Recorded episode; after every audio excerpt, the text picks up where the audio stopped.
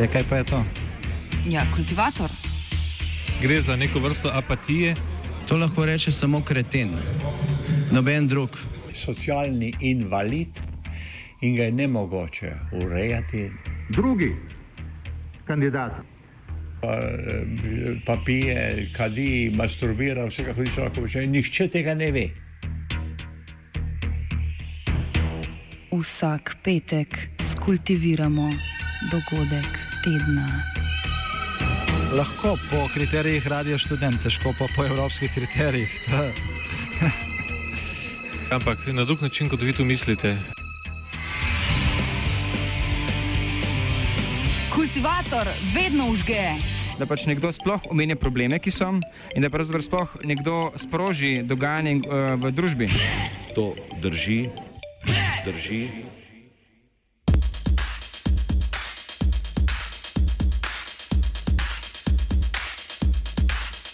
Kaspijsko jezero ali morje.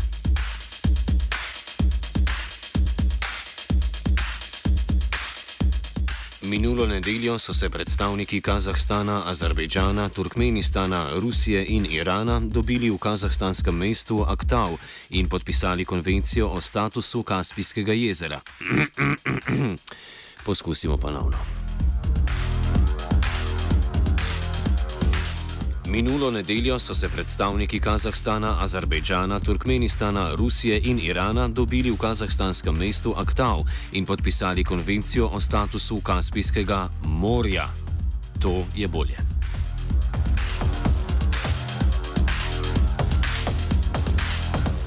Zavrzite stare učbenike. Kaspijsko jezero ni več jezero, oziroma Kaspijsko morje ni več jezero. Kaspijsko morje je največje vodno telo, ki ni povezano s svetovnimi oceani. Leži v depresiji in je posledično tudi en endoreično območje, kar pomeni, da se van stekajo reke, največja med njimi reka Volga.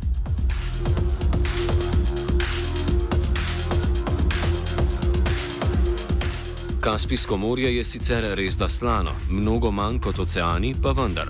A to ni razlog, da so si ga tako izbrale imenovati priobalne države. Razlog je kakopak ekonomski.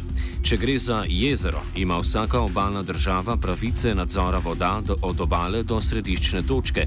Če gre za morje, pa vsaka država nadzoruje le priobalni pas, notranjost pa spada pod mednarodne vode. Ne glede na ime konvencije, ta dokončno ne ureja statusa morja. Ben Eris, urednik spletnega portala BNE IntelliNews, poudarja, da je veliko ostalo nedorečenega. The agreement we just had managed to agree on pretty much everything except how to divide the borders at the seabed level where all the resources are. Um, so that's kind of a disappointment. It was a deal that isn't a deal. I mean, it's a step forward, but um, it means that there's still this confusion over uh, who owns the oil under the middle of the sea. Pred razpadom Sovjetske zveze ni bilo dvoma. Kaspijsko morje je jezero. Na severni strani ga je objemala Sovjetska zveza, z juga pa Iran. Zapletlo se je v 90-ih, ko so naenkrat obalo podedovale nove republike Turkmenistan, Azerbejdžan, Kazahstan in Rusija. Telo vode, ki je zgodovinsko služilo predvsem ribištvu, kmetijstvu in prevozu, je z odkritjem nahajališč plina in nafte postalo preveč mamljivo. Nov dogovor ne predstavlja dokončne rešitve, je pa korak bližje temu. From what we understand, they've agreed to um, do bilateral deals um, between countries where the sectors of the sea abut each other. So, you know, the Azeris are next door to the Iranians, and so that they'll have to talk to each other about how to share the sort of central bits of the sea and the south of the sea, um, who, who's going to own what kind of resources down there. You know, and so on as you go around the sea, each each neighboring country will have to do some sort of deal with their neighbors. So, in a way, it's sort of formalized the process of, of negotiating um, how you share the oil resources.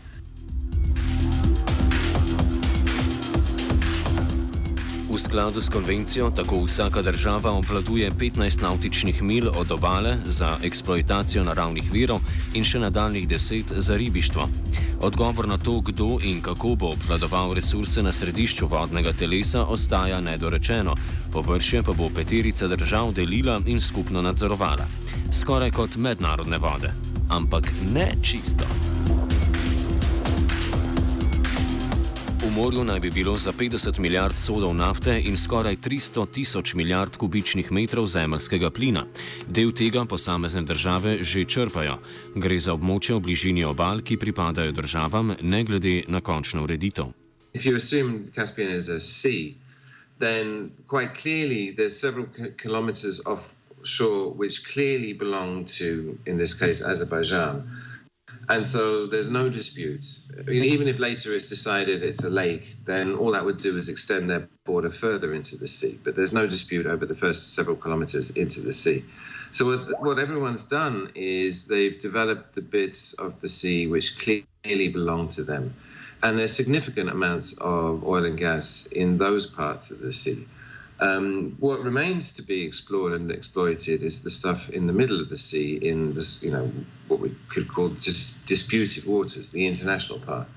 Um, and it's not entirely clear, but the uh, Western oil companies that have surveyed think there's a total of 30 billion tons of oil and 145 trillion cubic meters of gas, which is huge amount of reserves. And some big, um, Kashagan, for example, was a giant field that the Kazakhs found. And they've been developing that, and it sort of went online and then failed. It's going to be restarted. And the Azeris have um, also some some big um, some big reserves too. But you know the actual extent of how much is there in detail um, still needs to be explored. Omenjeno polje Kašhagan je zaradi lege zelo pomembno, saj leži nedaleč od rastočih velikanov Indije in Kitajske. Ambriš Daka z Univerze Džava Harlala Nehruja je za naš radio že pred štirimi leti v oddaji Južna hemisfera poudaril neprecenljivost teh zalog. Začetek črpanja nafte in plina v Kaspijskem morju bi lahko krepko premešal karte na geopolitičnem zemljevidu sveta. Now, why energy resources are so important, it is easy to understand. The simple reason is that they are located in the most proximate region of the two biggest rising economies, that India and China. So that is why these energy resources are so peculiarly, peculiarly uh, seen as their big contributors to the growth of the region. And uh, it, it is comparable because uh, if, you, if, you, if you look into the their uh, basket of energy consumption, uh, prior to the, the, the, the, recent years, the, the consumption has been largely from the Middle East, or you can say even the African. Nigeria used to be a big supplier of crude oil to India. So we find that the possibility of drawing uh, uh, crude oil and gas from these regions provide a huge possibility of, uh, you can say, not only a, a, big opening for these landlocked countries, but also providing India and China a big source of cheap energy which can augment their uh, growth to a very high level.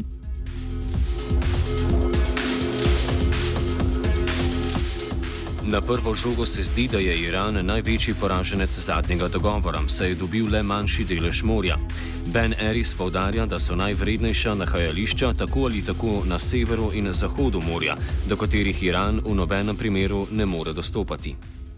The oil resources they seem to be on the left hand side and in the north, and so the resources that are you know up for grabs um, for Iran are probably the least, um, and also we're talking about um, four former Soviet um, countries and and Iran, which already have. Uh, not only good relations, but they also have a pipeline infrastructure that they shared as a legacy of the Soviet Union. Um, and Iran is a possibility uh, for an exit uh, of the oil, but you'd have to build new uh, infrastructure out of that. And the other four are not particularly interested in doing that. Why spend billions of dollars on new pipelines when you've already got an existing pipeline network, um, which you can extend to Europe, which you can extend to, to China and hook into the existing infrastructure? And Tehran's um, relations with uh, the other countries uh, are not so warm. It probably enjoys best relations with, with Russia, but that's a function of the sort of recent um, problems it's had with America, and so it's, it's aligned itself. Um, so it's a work in progress, but you know, it's sort of beggars can be choosers. Everybody wants to get their hands on the money that this represents, uh, and so they need to do some sort of deal.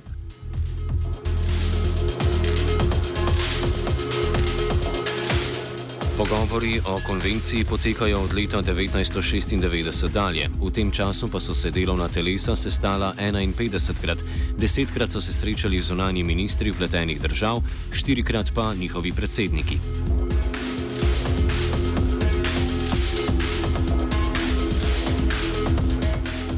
Med podpisniki azerbejdžanskim predsednikom Ilhamom Alijevom in njegovimi kolegi iz Kazahstana Nursultanom Nazarbajevim, Rusije Vladimirjem Putinom, Turkmenistana Gurban Guljem Berdi Muhamedovim in Irana Hasanom Ruhanijem je nedvomno največ nezadovoljstva doma požil zadnji.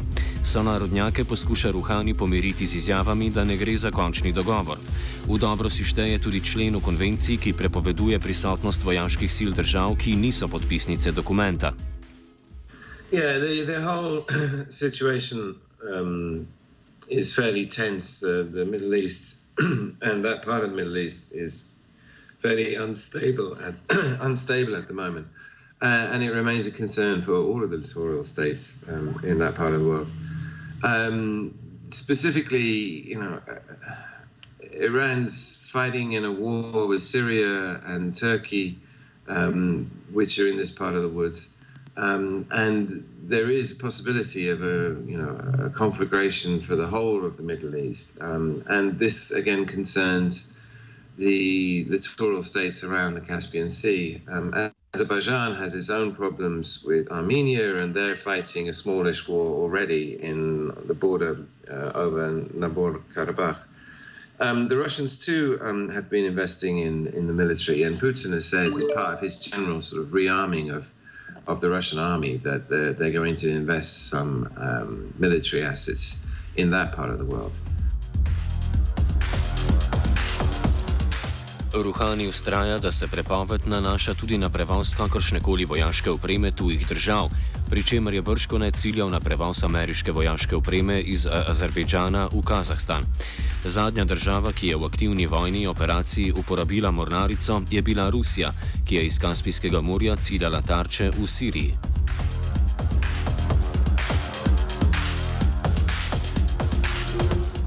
Urednik portala BNE IntelliNews Ben Eris predstavi, kaj pomeni podpis konvencije za transkaspijski plinovod. Plinovod, ki zaenkrat obstaja le na papirju, bi turkmenske in kazahstanske zaloge transportiral preko morja in Azerbejdžana naprej proti Evropi, s čimer bi obšel Rusijo in Iran. Uh, pipeline politics. Uh, very complicated. Um, the, the, economics of the pipeline makes every sense. Um, the politics of it is is very difficult because if you build a pipeline like that, you're basically locking yourself into a relationship where you have to be sure of that relationship for the next 30, 40 years. Um, and consequently, it's a very difficult, politically uh, negotiable thing.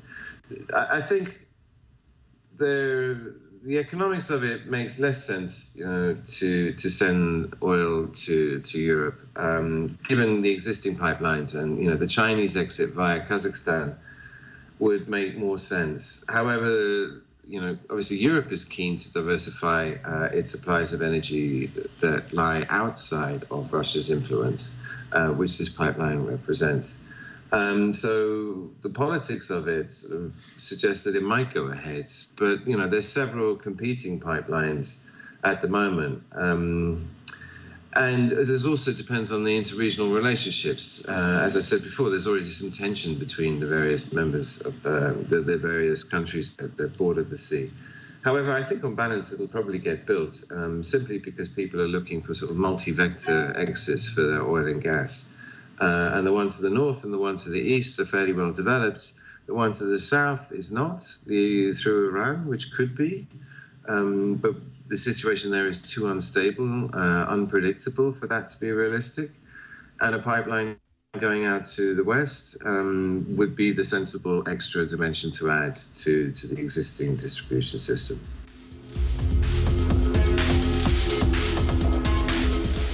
Vendarle velja poudariti, da bi morale v skladu s konvencijo vsak cevovod odobriti vse podpisnice. Podpis pa lahko umaknejo samo na podlagi okoljskih skrbi.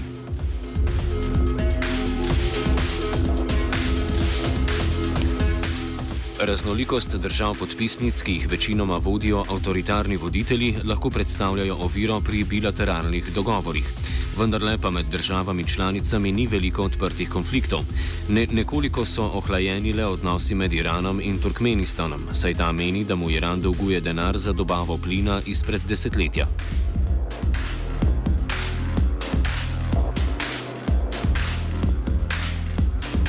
Visoki dobički, ki si jih od črpanja nafte in plina obetajo obalne države, bodo prej ali slej privedli do končnega odgovora oziroma dogovora.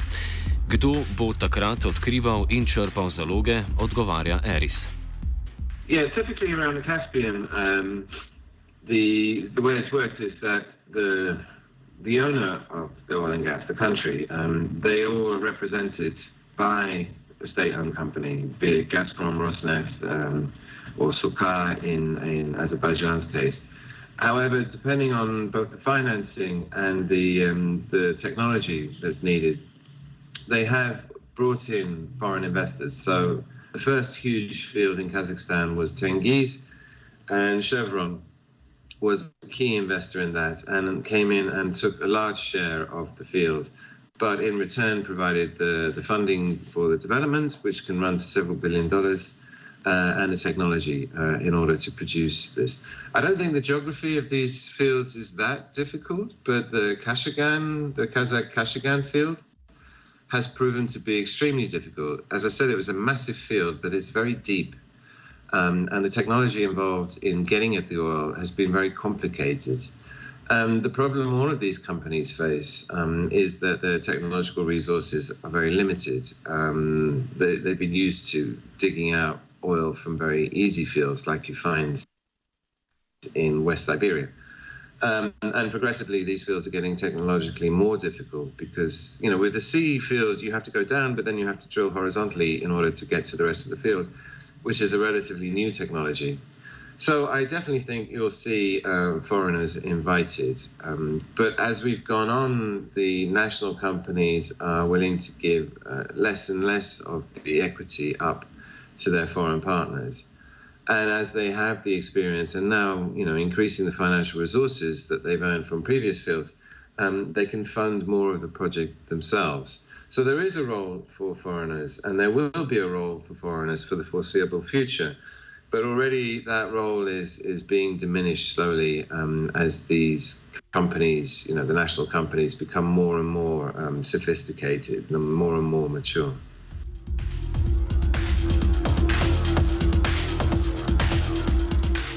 Kaspijsko morje je še zadnje območje na planetu, kjer se lahko dostopne zaloge nafte in plina še večinoma nedotaknjene. Ko se začne njihova eksploatacija, bo to imelo znatne učinke na obalne države, ki jih bomo po Erisovem mnenju čutili globalno. Of course, at the moment on the, the global market, there's a glut of oil production, um, which has held down the prices. And at the same time, the big change in the oil business has been the, the advent of um, US shale oil. And they've gone from nothing to about 10 million barrels a day. And to put that into to context, and the Russians are now producing 11.2 million barrels a day, which for them is an all, time high. So suddenly Russia, uh, America has appeared as a massive player.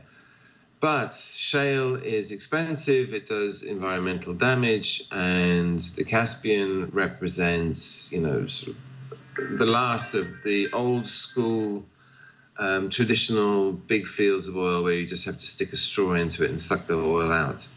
Um, but it, what it does is it, it, puts off that day of peak oil, like when oil production starts to, to fall irreplaceably um, for, who can say, another 50 years?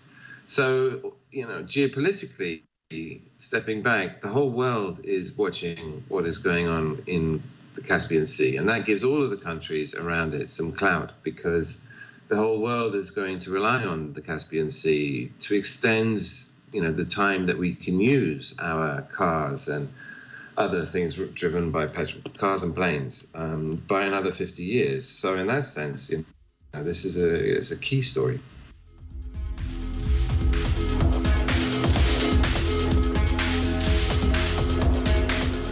Kaspijskega se na Jadransko morje odpravlja Antun.